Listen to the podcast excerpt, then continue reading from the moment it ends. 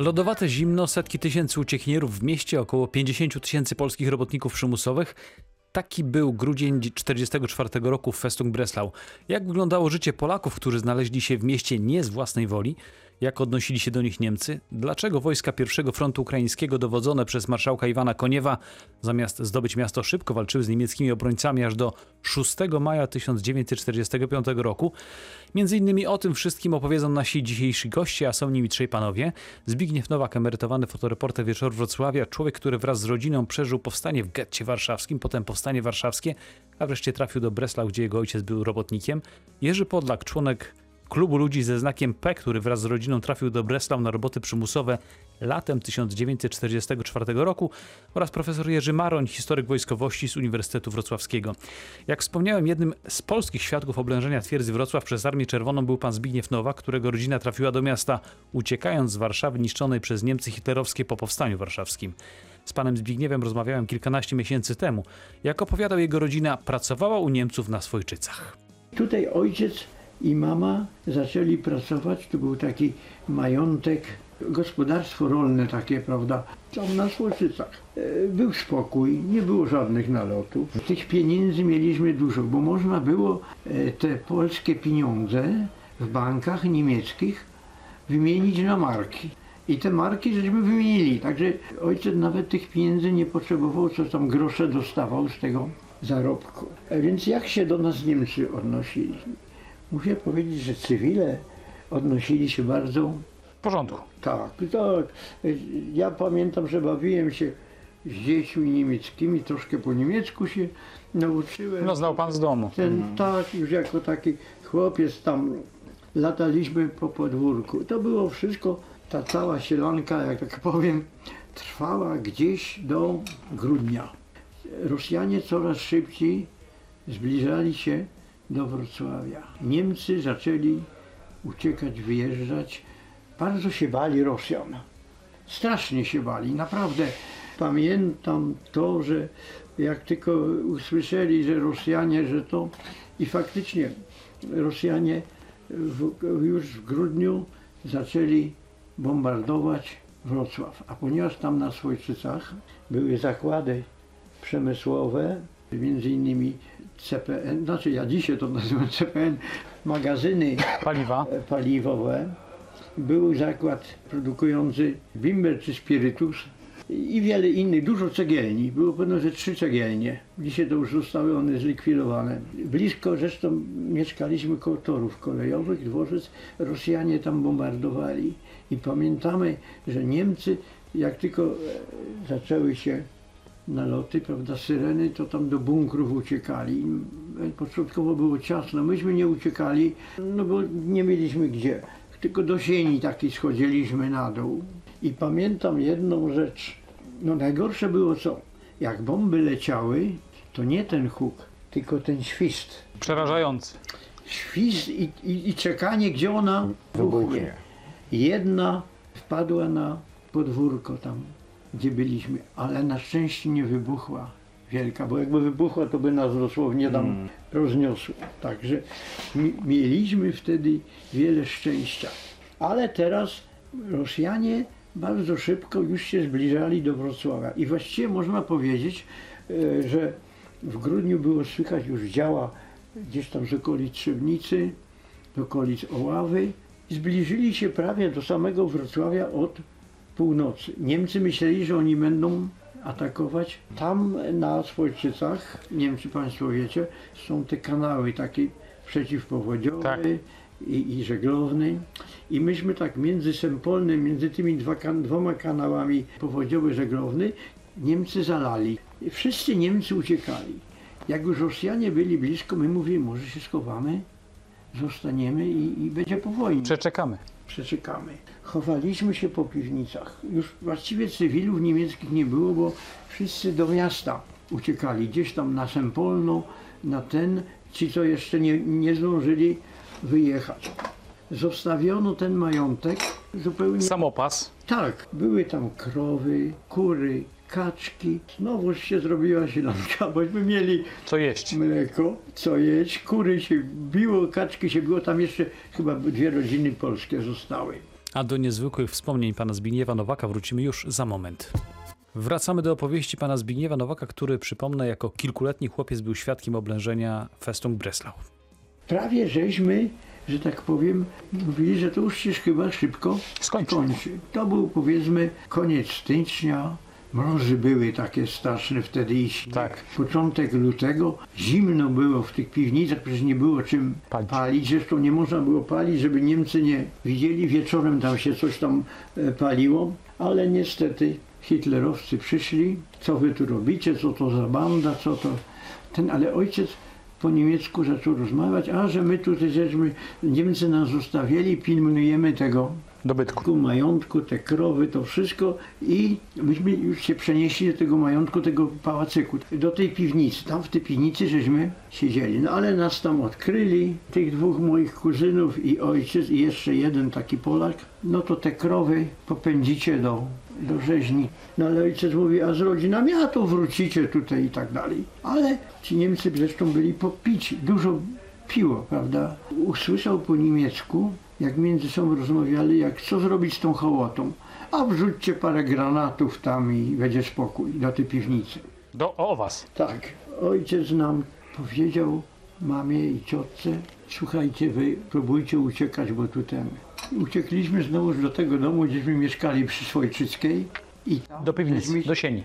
Tam piwnicy nie było, Nie było. do sieni. Schowaliśmy się tam, znowu zamknięte, bo tam w ogóle nie było już Nikogo. No i ojciec faktycznie pognali te krowy. Mama myślała, że już ojciec Że już nie zobaczy go. nie zobaczy, nie wróci. No pognano te krowy, gdzieś tam mówi przez noc i ojciec mówi, no teraz musimy wrócić po rodziny. A ponieważ znowuż tam ci Niemcy nie mieli takiego kontaktu z sobą, nie wiedzieli co się dzieje, bo to To było nieuporządkowane, tak. Dali ojcu przepustkę, żeby wracał po rodzinę. Ojciec znał niemiecki, to dzięki temu, prawda, ci mo, moi kuzyni też znali niemiecki, można się było dogadać. A jeszcze wcześniej, ponieważ e, te krowy e, goniono przez Kowale w koło, a krótsza droga była przez Sempolno, więc oni wrócili nad, e, gdzieś tak mówi nad ranem koło godziny czwartej, piątej przez to Sempolno, no ale dochodzą do tych mostów, halt, halt, halt, nie ma nikogo,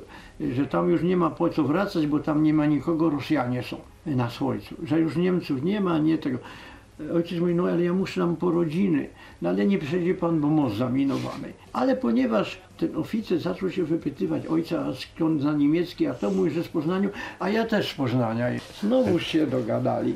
I oficer mówi, to ja was Puszczę. przeprowadzę tam, jak mówi takim gęsiego, bo tam już zaminowane dwa mosty. Zresztą ten jeden most później Niemcy Wysadzili. wysadzili i bierzcie rodziny, uciekajcie, bo są Rosjanie. Właściwie, o, to się ucieszyli Rosjanie, to już będzie wszystko w porządku. Rosjanie byli z drugiej strony wału tam, na Strachocin Wojnów. No to tam powiedzmy pół kilometra może. Sta, stałe rosyjskie te przed tą właśnie e, wodą, no bo przeprawić Tak, no zalane było, tak. było, prawda, przez ten kanał.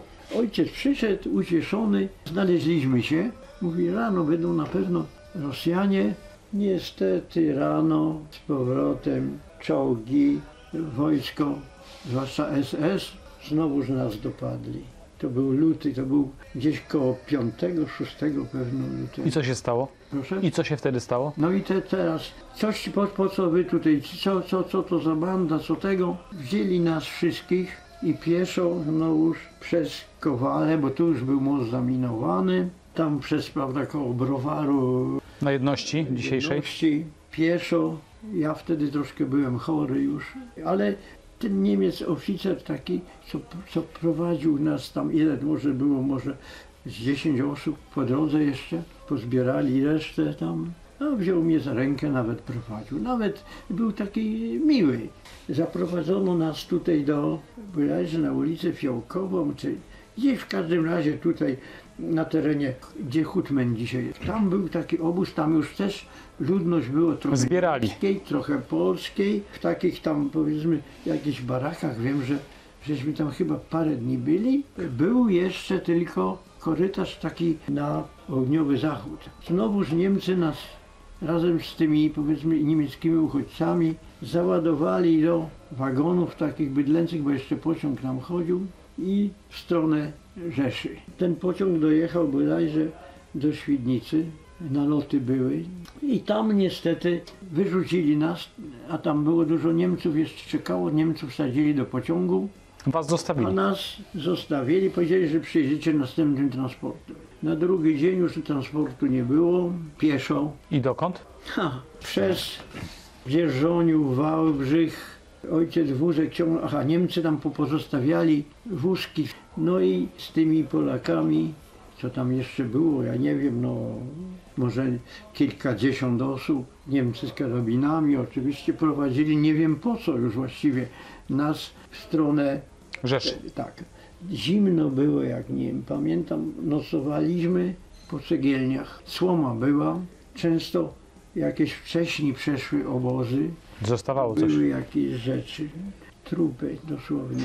Niektórzy, prawda, nie, nie wytrzymywali y, tego trudu i zostali po, po drodze, że tak powiem, ginęli. Po drodze pamiętam, że za Świdnicą wojsko też razem tymi uciekało, razem z cywilami. Nadlatywały Samoloty. samoloty y, ruskie, radzieckie, prawda, wtedy i bombardowały.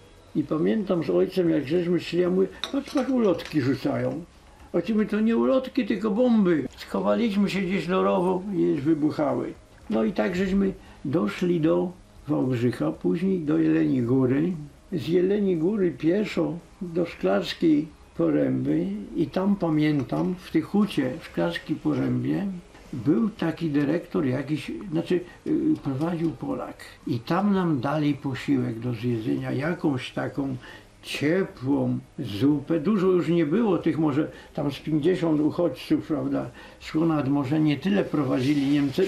I tam po prostu nawet jakieś drugie danie było mięso, także to była uczta, a to była zima, prawda, także tam był taki przystanek, te rzeczy pamiętam, bo, bo bośmy, prawda, coś ciepłego zjedli. No ale stamtąd Jeszcze dalej was zabrali. Ach, do Czechosłowacji. Aha, jeszcze y, z nami byli, dołączyli się tacy jeńcy francuscy. Pewno dwóch takich Francuzów. Też tam trochę Po niemiecku. prawda, dogadaliśmy się. I oni pomagali. Często ten wózek pchać. Ojciec nas ciągnął z mamą. Pierwszy raz zobaczyłem góry, te skały takie wielkie. Y, Tam już był spokój, nie było bombardowań. Dotarliśmy do Czechosłowacji. Przez Czechy znowuż y, zimno było, taki śnieg potężny tam. I pamiętam znowuż taką rzecz, że Czeszki wychodziły często na tą trasę i jabłkami nas częstowały. I było też takie zdarzenie, bo tam też Niemcy mieszkali oczywiście. No tak. A wtedy nie Czechosłowacji. Gdzieś tam ci Francuzi ukradli królika w czasie tego naszego przeprawy. No i zaczęto szukać tego królika. Rewizja, wszystko ten. A nie znaleźli tego królika. Już był zjedzony.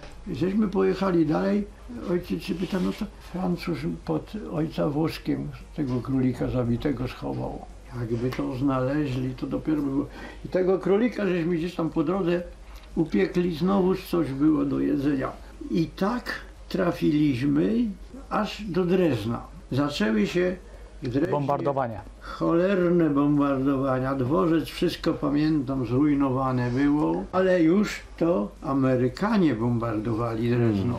Tam na tym dworcu, pamiętam, był straszny taki rozgardiaż, bo to uciekali, bomby co chwilę leciały. Wreszcie stamtąd nas jakoś wsadzili znowuż do, pocio- nie, do pociągu, tak?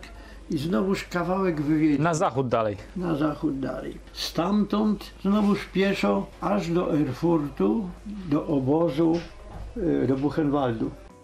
A po piosence cofniemy się znowu o 76 lat do grudnia 1944 roku w oblężonym przez Armię Czerwoną Breslau. O losy tego starcia zapytam historyka wojskowości profesora Jerzego Maronia. Bitwa o Festung Breslau rozpoczęła się w lutym 1945 roku, ale już od października 1944 lotnictwo radzieckie bombardowało miasto. O tej operacji rozmawiam z profesorem Jerzym Maroniem, historykiem wojskowości z Uniwersytetu Wrocławskiego. W przypadku twierdzy Wrocław można powiedzieć, że historia zat- zatoczyła koło. Wojna zaczynała się w dużej mierze z Wrocławia, bo stąd większość dywizji niemieckich wychodziło. No i potem też y, Wrocław został zamieniony w twierdzę i też mocno oblegany, choć z tą mocą to za chwileczkę jeszcze o to pana zapytam. Było koło historii. Tak, można tak powiedzieć. Koło się zamknęło. Natomiast y, decyzja o przekształceniu czy ogłoszeniu miasta i przekształceniu bo roboty czy prace nad y, umocnieniami na um, o- obrzeżach miasta oczywiście rozpoczęto, była wynikiem, była konsekwencją y, odwrotu, generalnie odwrotu niemieckiej armii wschodniej i w związku z tym decyzji Hitlera o przekształcaniu miast w, miast w twierdze. To miały być, e, to miały być takie kolce, ostrogi, e, o, o które e, miałaby się rozbijać fala wojsk Armii Czerwonej jeszcze wtedy. Zresztą ta budowa właściwie była od podstaw, bo przecież Wrocław w tamtych czasach nie był już warowną twierdzą. Wszystkie mury, wszelkie umocnienia nie działały, tak z dawnych czasów. E, Tak, to znaczy zasadnicza linia fortyfikacji nowoży, wczesno-nowożytnych została rozebrana czy zniwelowana po zdobyciu Wrocławia przez e, korpus Wielkiej Armii Francuskiej w 1807 roku, ale potem w ciągu XIX wieku, choć był traktowany przez sztab generalny, Wielki Sztab Generalny Armii Pruskiej, a potem Wielki Sztab Generalny Armii Niemieckiej jako twierdza drugiej kategorii, to pewne elementy umocnień y, wzniesiono. Ich jest wbrew pozorom całkiem sporo. Właśnie XIX-wiecznych, czy, czy, czy z początku, sprzed I wojny światowej, z początku XX wieku. One były wykorzystywane w ramach Festung Breslau? Tak, oczywiście, dlatego że z góry były przygotowane do, do, do pełnienia no, funkcji obronnej. Na przykład, ja, ja podam przykład, który każdy z nas może obserwować do dzisiaj. Proszę zwrócić uwagę, jak e, wąskie były przejazdy, one dopiero od lat 70. zostały poszerzone, a w tej chwili się je poszerza nawet na, na, na ulicy Długiej i Popowickiej, prawda? E, Obecnie się poszerza te przejazdy. Mówi pan o wiaduktach pod torami? O, oczywiście ja mówię o szerokości przejazdów y, w wiaduktach y, kolejowych, wałów kolejowych. Y, Te wszystkie wały kolejowe były z góry przeznaczone jako, jako właśnie element możliwy do wykorzystania w działaniach obronnych i stąd te wszystkie wiadukty są takie wąskie.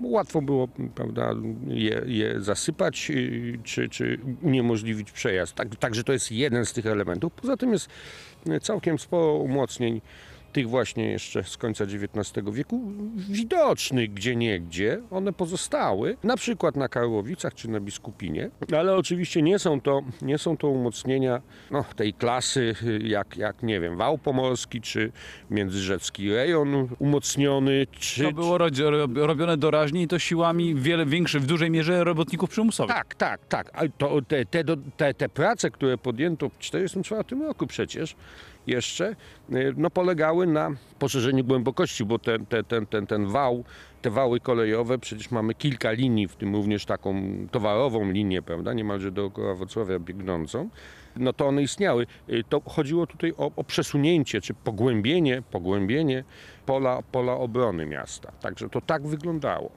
Natomiast ze starych fortyfikacji, no cóż, ze starych fortyfikacji wykorzystano te dwa, to znaczy dokładnie jeden, jeden z jednego korzystano, czyli wzgórze partyzantów dzisiejsze, prawda, wzgórze Lipolda, to przecież dawny bastion i tam od pewnego momentu, już w trakcie oblężenia, mieściło się dowództwo obrony Wrocławia w tych kazamatach. Także to, to, to, to, to w ten sposób było wykorzystane, bo to do tego się nadawało. A do rozmowy z profesorem Jerzym Maroniem wrócimy już za kilka minut. O zawierusze wojennej, jaka ogarnęła Breslau jesienią i zimą 1944 roku, rozmawiam z profesorem Jerzym Maroniem z Instytutu Historycznego Uniwersytetu Wrocławskiego. Co prawda ta najgłośniejsza część obrony twierdzy Wrocław, Festung Breslau, zaczęła się dopiero w styczniu, natomiast, czy w lutym nawet, natomiast y, na dobrą sprawę Wrocław zaczął się bronić, czy Breslau zaczęło się bronić już y, jesienią, dlatego że Rosjanie atakowali i bombardowali Wrocław wtedy. Tak, no oczywiście bombardowania Wrocławia, możliwość bombardowań Wrocławia przez lotnictwo, lotnictwo radzieckie bo alianci zachodni raczej nie bombardowali wcześniej. Dolny Śląsk, czy nawet Śląsk, był taką enklawą Rzeszy Niemieckiej, prawda, która, która nie była niszczona przez lotnictwo strategiczne. Były inne, inne cele przeznaczone. Nawet Chociażby nieodległe Drezno. Chociażby nie, ale to jest, ale to jest 45 rok. Później, tak oczywiście, ale, ale mówię w ogóle o bombardowaniu przez aliantów. Berlin, no oczywiście Berlin, Berlin, Zagłębie Ruhr, ośrodki przemysłowe, Hamburg, Berlin, kolonia Hamburg, Berlin, Brema. No a w 1944 roku przecież ym, ym, je bombardowano w wyniku lotów wahadłowych, to znaczy w rejonie Połtawy były, były rozlokowane ym, obsługa, była rozlokowana obsługa aliancka, amerykańska i, i po prostu samoloty leciały w jedną stronę tylko, prawda? I lądowały w rejonie Połtawy, czyli y, za linią frontu wschodniego. Wróćmy do Wrocławia, profesorze. Tutaj oczywiście Rosjanie nie mieli lotnictwa strategicznego z prawdziwego zdarzenia. To, co w armii radzieckiej w lotnictwie uważano za samoloty dalekiego zasięgu, to co najwyżej średnie bombowce były. Zresztą rzeczywiście czasami nawet to były produkcji ej, amerykańskiej. No ale w momencie, kiedy front się przesunął na, na linię Wisły, mówiąc umownie, prawda, w wyniku ofensywy 1944 roku. Rzeczywiście Wrocław znalazł się tutaj w rejonie działania, choć, choć trzeba od razu powiedzieć, te bombardowania nie były intensywne, bo to cele dla lotnictwa mm, radzieckiego były, by, były inne. To było przede wszystkim wsparcie działań wojsk lądowych. W związku z tym to, to nie ma porównania z dywanowymi nalotami aliantów zachodnich. To w ogóle, w ogóle y, to, Inna to inna, inna skala, tak, tak, tak. To jest inna skala. Niemniej były, rzeczywiście, niemniej były. Tak naprawdę, panie profesorze, te działania rzeczywiście zaczęły się już w 1944 roku i tak jak mówiliśmy wcześniej, y, po pierwsze budowanie umocnień, po wtóre no, pojawiały się też te bombardowania. Wreszcie potem pojawił się, pojawiły się wojska pierwszego frontu ukraińskiego marszałka Koniewa. Atakowały niby ostro, ale tak trochę leniwie, no bo przecież to, to, to zdobywanie Wrocławia trwało do 6 maja, dłużej niż Berlin. Tak, y, no trzeba powiedzieć, że y, y, trzeba zacząć od ofensywy styczniowej. Ofensywy styczniowej, która w literaturze radzieckiej, powojennej literaturze radzieckiej została określona mianem operacji, co w ogóle jest też bezsensowne, operacji Wisła-Odra, ale to tylko dlatego, że pierwszy front, front, pierwszy front białoruski wyszedł rzeczywiście na linię Odry i pod Kostrzynem przyczółki y, Żukowa, marszałka Żukowa, dowódcy, y, w lutym już były 45 roku, ale tak naprawdę ta ofensywa miała przynieść zdobycie Berlina. To nie była ofensywa, która miała wyprowadzić e, trzy fronty, trzy fronty radzieckie na linię Odry, tylko miała doprowadzić do zdobycia Berlina i okazało się, że oczywiście nie było to możliwe. Ten cel nie został osiągnięty i stąd mamy do czynienia z drugą fazą tej ofensywy. W ramach tej drugiej, drugiej fazy no musiała być przerwa, przecież Rosjanie ponieśli no, Poważne straty, prawda? tak, no oczywiście, chociaż tempo działań w styczniu, w drugiej połowie stycznia, na początku lutego był oszałamiający. Właśnie tych, tych dwóch,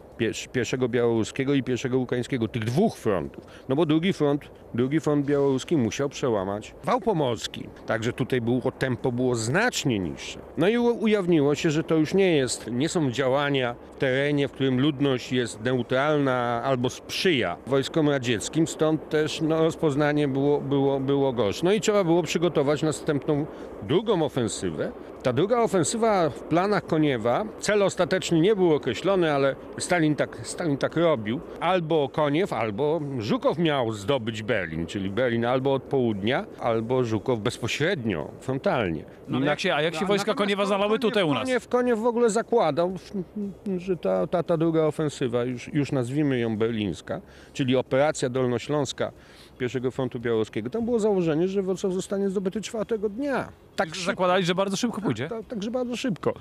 Przygotowano armię, szóstą armię generała Guzdowskiego, która była nowo, praktycznie nowo sformowaną. Ona miała stary numer innej, innej szóstej armii, ale tak naprawdę była nowo sformowana, także dosyć dobrze za, wyposażona. Takie było założenie i okazało się że rzeczywiście, że to jest niemożliwe. Koniew twierdzi w swoich pamiętnikach, że hamował Guzdowskiego przed jakimiś większymi działaniami. No i rzeczywiście okazało się, że faktycznie nasycenie środkami bojowymi wsparcia, czyli artylerią, artylerią pancerną, ciężkimi czołgami, Guzdowskiego było, było stosunkowo niewielkie.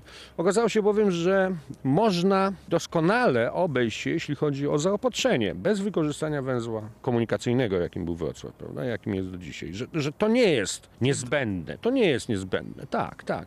I stąd te działania były y, takie mm, anemiczne, to po pierwsze, a po drugie, no, siły niemieckie i działania na terenie samego miasta, bo to o to chodzi. Przecież tę tą zewnętrzną linię umocnień przełamano bez, bez, większ, bez większych problemów. Natomiast działania się toczyły na terenie miasta. I i tutaj sama infrastruktura miejska, czyli zabudowa miejska, była fundamentem, istotą obrony.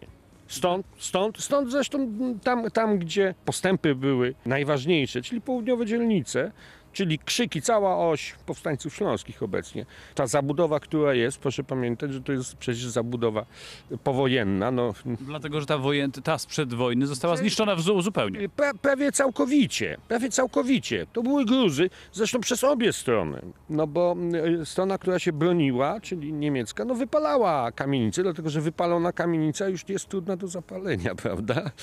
Świadomi, no tak, no tak się walczy, tak się walczy w mieście.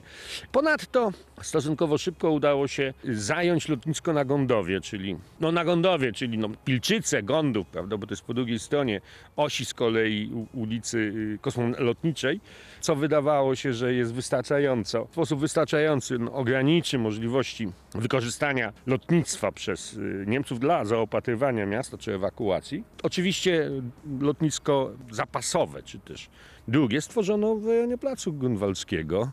Stąd tam, gdzie dzisiaj Biblioteka Uniwersytecka Manhattan, tak, te wieżowce Manhattanu, to było wszystko e, zniwelowane i wbrew pozorom wcale nie, wcale nie uniemożliwiło, dlatego że lotnictwo niemieckie zaopatrywało załogę bez Festung Breslau prawie do końca, bez problemów. Ta artyleria przeciwlotnicza, bo Rosjanie oczywiście skoncentrowali artylerię przeciwlotniczą dookoła Wrocławia, była stosunkowo mało efektywna. Ewidentny był brak środków technicznych, to były loty nocne. Niemców ograniczało możliwości sprzętowe i paliwo. No szybowce po prostu. No, szybowce odczepiano, one tam lądowały. Także No, Niemcy w tym czasie już nie miały zapasów paliwa żadnych. Właśnie, no więc to był limit. A z kolei lotnictwo nocne, lotnictwo radzieckie, to były bombowce amerykańskie przystosowane do tej funkcji. No, no cóż, no, no one miały jakieś tam wyposażenie radarowe, bo to o to chodziło. Także tu, tu, tutaj ta luka sprzętowa po stronie wschodniej w stosunku do aliantów, zachodniej w stosunku do Niemców, bo Niemcy mieli naprawdę dobry sprzęt radiolokacyjny, no była wyraźna. Także było dostarczane zaopatrzenie. y, Skutecznie. Skutecznie, skutecznie. Do momentu, do którego Gondów jeszcze, jeszcze był w rękach niemieckich, lotnisko na Gondowie, no to była ewakuacja przecież. To, to po prostu działało, to był most powietrzny. No, nie w tej skali co berliński powojenny, ale był, ale był. Wypada przypomnieć, że w obleganym Breslau na przełomie 44 i 45 roku żyło, jak się szacuje, około 50 tysięcy robotników przymusowych z Polski. Za chwilę porozmawiam z jednym z nich. Kolejny z naszych dzisiejszych gości miał 14 lat, gdy latem 44 roku wraz z rodziną trafił na roboty przymusowe w Breslau. Pan Jerzy Podlak, członek klubu ludzi ze znakiem P, bo o nim mowa, doskonale pamięta wszystko to, co działo się wtedy i jakie uczucia towarzyszyły jego bliskim. W grudniu 44 roku pan był we Wrocławiu, zresztą wcześniej pańska rodzina tu trafiła. Tak, myśmy znaleźli się we Wrocławiu już w czerwcu 1944 roku. Y, Zostaliśmy przywiezieni z y, obozu w Augsburgu. Ten grudzień, który nadszedł, kiedy już zaczynało się oblężenie e, Festung Breslau, zapewne pamięta pan dobrze, tu było czuć atmosferę strachu? Czy było czuć atmosferę y, strachu? Y, Musimy wyjść z tego założenia niemieckiego Ordnung muss sein, a więc y, mimo, że słychać już było we Wrocławiu dalekie odgłosy artylerii, to życie w mieście y, toczyło się w cudzysłowie normalnie. Z tym, że Wrocław był ogromnie przeludniony. Trzeba pamiętać o tym, że pierwszy komendant twierdzy, pułkownik Krause, który został mianowany we wrześniu pierwszym komendantem twierdzy Wrocław, zażądał od Gauleitera Hankiego zgody na ewakuację ludności cywilnej. I to było kilkaset tysięcy ludzi. To było kilkaset tysięcy ludzi, bo nie tylko mieszkańców Wrocławia, tych, którzy tu byli na miejscu, wtedy było to około milion osób, ale przez Wrocław przewalała się, y, przewalały się tysiące ludzi, Niemców, uciekających z Wielkopolski, z byłych terenów y, wcielonych do Rzeszy. I to było widać na ulicach. I to było widać na ulicach. Y, Potworne y, kawalkady ludzi y, na wozach konnych, y, samochody z braku paliwa ciągnione przez jakieś inne pojazdy. I to wszystko zmierzało na y, południe. Natomiast ludność Wrocławia, która tutaj jak była, jak już mówiłem, z uwagi na brak zgody Hankego na ewakuację, pozostawała w mieście. Oczywiście widoczne znaki przygotowania do obrony miasta były, bo była to budowa barykad na wszystkich ulicach wlotowych do miasta Wrocławia, ale wewnątrz miasta pozornie y, miasto normalnie żyło. Jeździły tramwaje, czynne były gazownie, czynne były szpitale Sklepy działały pewnie. sklepy działały, y, a więc pozornie wszystko odbywało się normalnie, poza tym ogromnym napływem dodatkowych ludzi, a trzeba pamiętać, że grudzień 1944 roku był bardzo zimny. W tej chwili trudno mi sobie przypomnieć, ale temperatura była na pewno y, kilka stopni poniżej zera. A jak państwo, którzy tu byliście robotnikami przymusowymi, zwłaszcza pańscy rodzice, y, jak wy tutaj żyliście? Jak byliście traktowani przez y, miejscową ludność niemiecką? Myśmy byli, nasza rodzina była w tym czasie podzielona, bo ja początkowo pracowałem razem z matką i siostrą w kuchni szpitalnej szpitalu Bethesda przy ulicy obecnej dyrekcyjnej. Natomiast chwilą, gdy y, przyjechał do Wrocławia ojciec, który został na- dworcu w Augsburgu aresztowany i osadzony w więzieniu w Erlangen, to już w tym małym pokoiku w szpitalu nie mogliśmy mieszkać. I ja zamieszkałem razem z ojcem na Klosterstrasse, czyli przy obecnej ulicy y, Trauguta, u takiej starej Niemki. Tam w przedpokoju mieliśmy taką otomanę i tam koczowaliśmy. Trudno mówić, że mieszkaliśmy. I wtedy ja już nie pracowałem ten ostatni miesiąc przed zamknięciem Wrocławia, przed okrążeniem w kuchni kuchennej, tylko pracowałem razem z ojcem na Alzenstrasse, to jest obecnie ulica Czarneckiego, w takiej firmie Beiger. W ekspedycji y, zbijaliśmy wieka do skrzynek, w które były pakowane puszki środkami takimi y, podobnymi jak ten amerykański DDT na, na zwalczanie wesz, prawda? To był też taki czas, y, kiedy y, już zaczęły się bombardowania Wrocławia. One nie były liczne, ale jednak się zdarzały. No, pierwszy nalot we Wrocławiu miał miejsce z początkiem października. Padło wtedy kilkanaście bomb, zginęło 55 osób, jak pamiętam. Nawet ta wrocławska y, gazeta, taka Breslauer Neueste Nachrichten, ukazała się w czarnej obwódce i na pierwszej stronie wymienione były nazwiska tych 55 osób, które zmarły. To było preludium do tego, co Wrocław miało spotkać za dwa miesiące. Jeszcze jedna rzecz jest interesująca z pańskiego punktu widzenia, dlatego że państwo, no tak, z jednej strony jesteście y, u wrogów, z drugiej strony jesteście pod bombami tych, którzy mają wyzwolić Wrocław. Jak patrzyliście na tę ofensywę ro- radziecką? Jest to pytanie, które często y, jest zadawane, bo wiadomo, że ocena historyczna wyzwolenia Polski spod okupacji hitlerowskiej jest przez historyków z dzisiejszego punktu widzenia inaczej traktowana. Ale, Nie, nie, nawet, wie pan co, nawet, nawet nie o to mi chodzi, ale proszę dokończyć. ale wtedy, w 1945 roku, gdy przeżyliśmy to kilkumiesięczne oblężenie miasta, będąc stale zagrożonym utratą życia, zresztą wielokrotnie nasza rodzina znalazła się w bardzo dramatycznych okolicznościach, to zakończenie wojny i, i kapitulacja Wrocławia i wtedy wyzwolenie nas przez Armię Czerwoną było wyzwoleniem i uratowaniem prawdopodobnie życia. Natomiast ocena historyczna tego, co było później. Nie o to mi chodzi, wie pan, chodzi mi bardziej o to, że z jednej strony chcielibyście państwo, tak myślę sobie, wyobrażam, żeby było wyzwolenie, a z drugiej strony padają bomby. Nieważne czyje, one są groźne zawsze.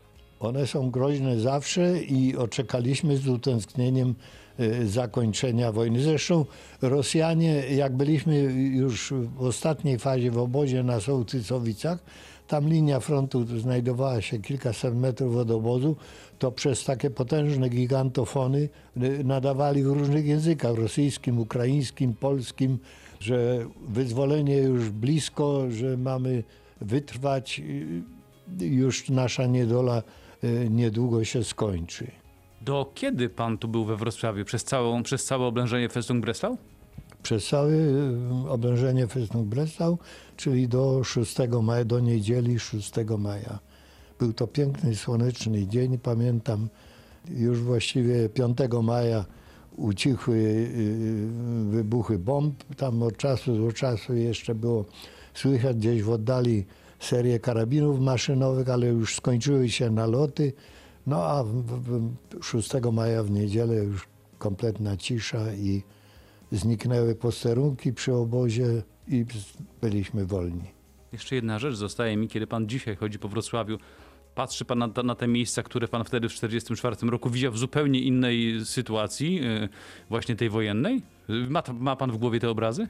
Ja mam to stale w głowie i muszę powiedzieć, że jest to nawet i często przyczyną konfliktów rodzinnych, bo gdy z żoną czy jedziemy samochodem, czy przechodzimy, a ja mówię o tutaj był obóz, a tutaj to jak przechodziliśmy, to spadła bomba, a myśmy cudem ocalili.